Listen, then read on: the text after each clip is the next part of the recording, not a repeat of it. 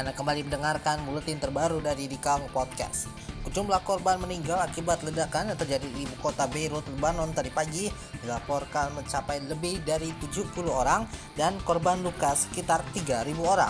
Seperti dilansir dari Associated Press, menurut data yang terekam oleh Pusat Studi Bumi Jerman atau GRZ, Ledakan yang cukup besar itu juga mengakibatkan gempa lokal dengan magnitudo, magnitudo 3,5 skala Richter.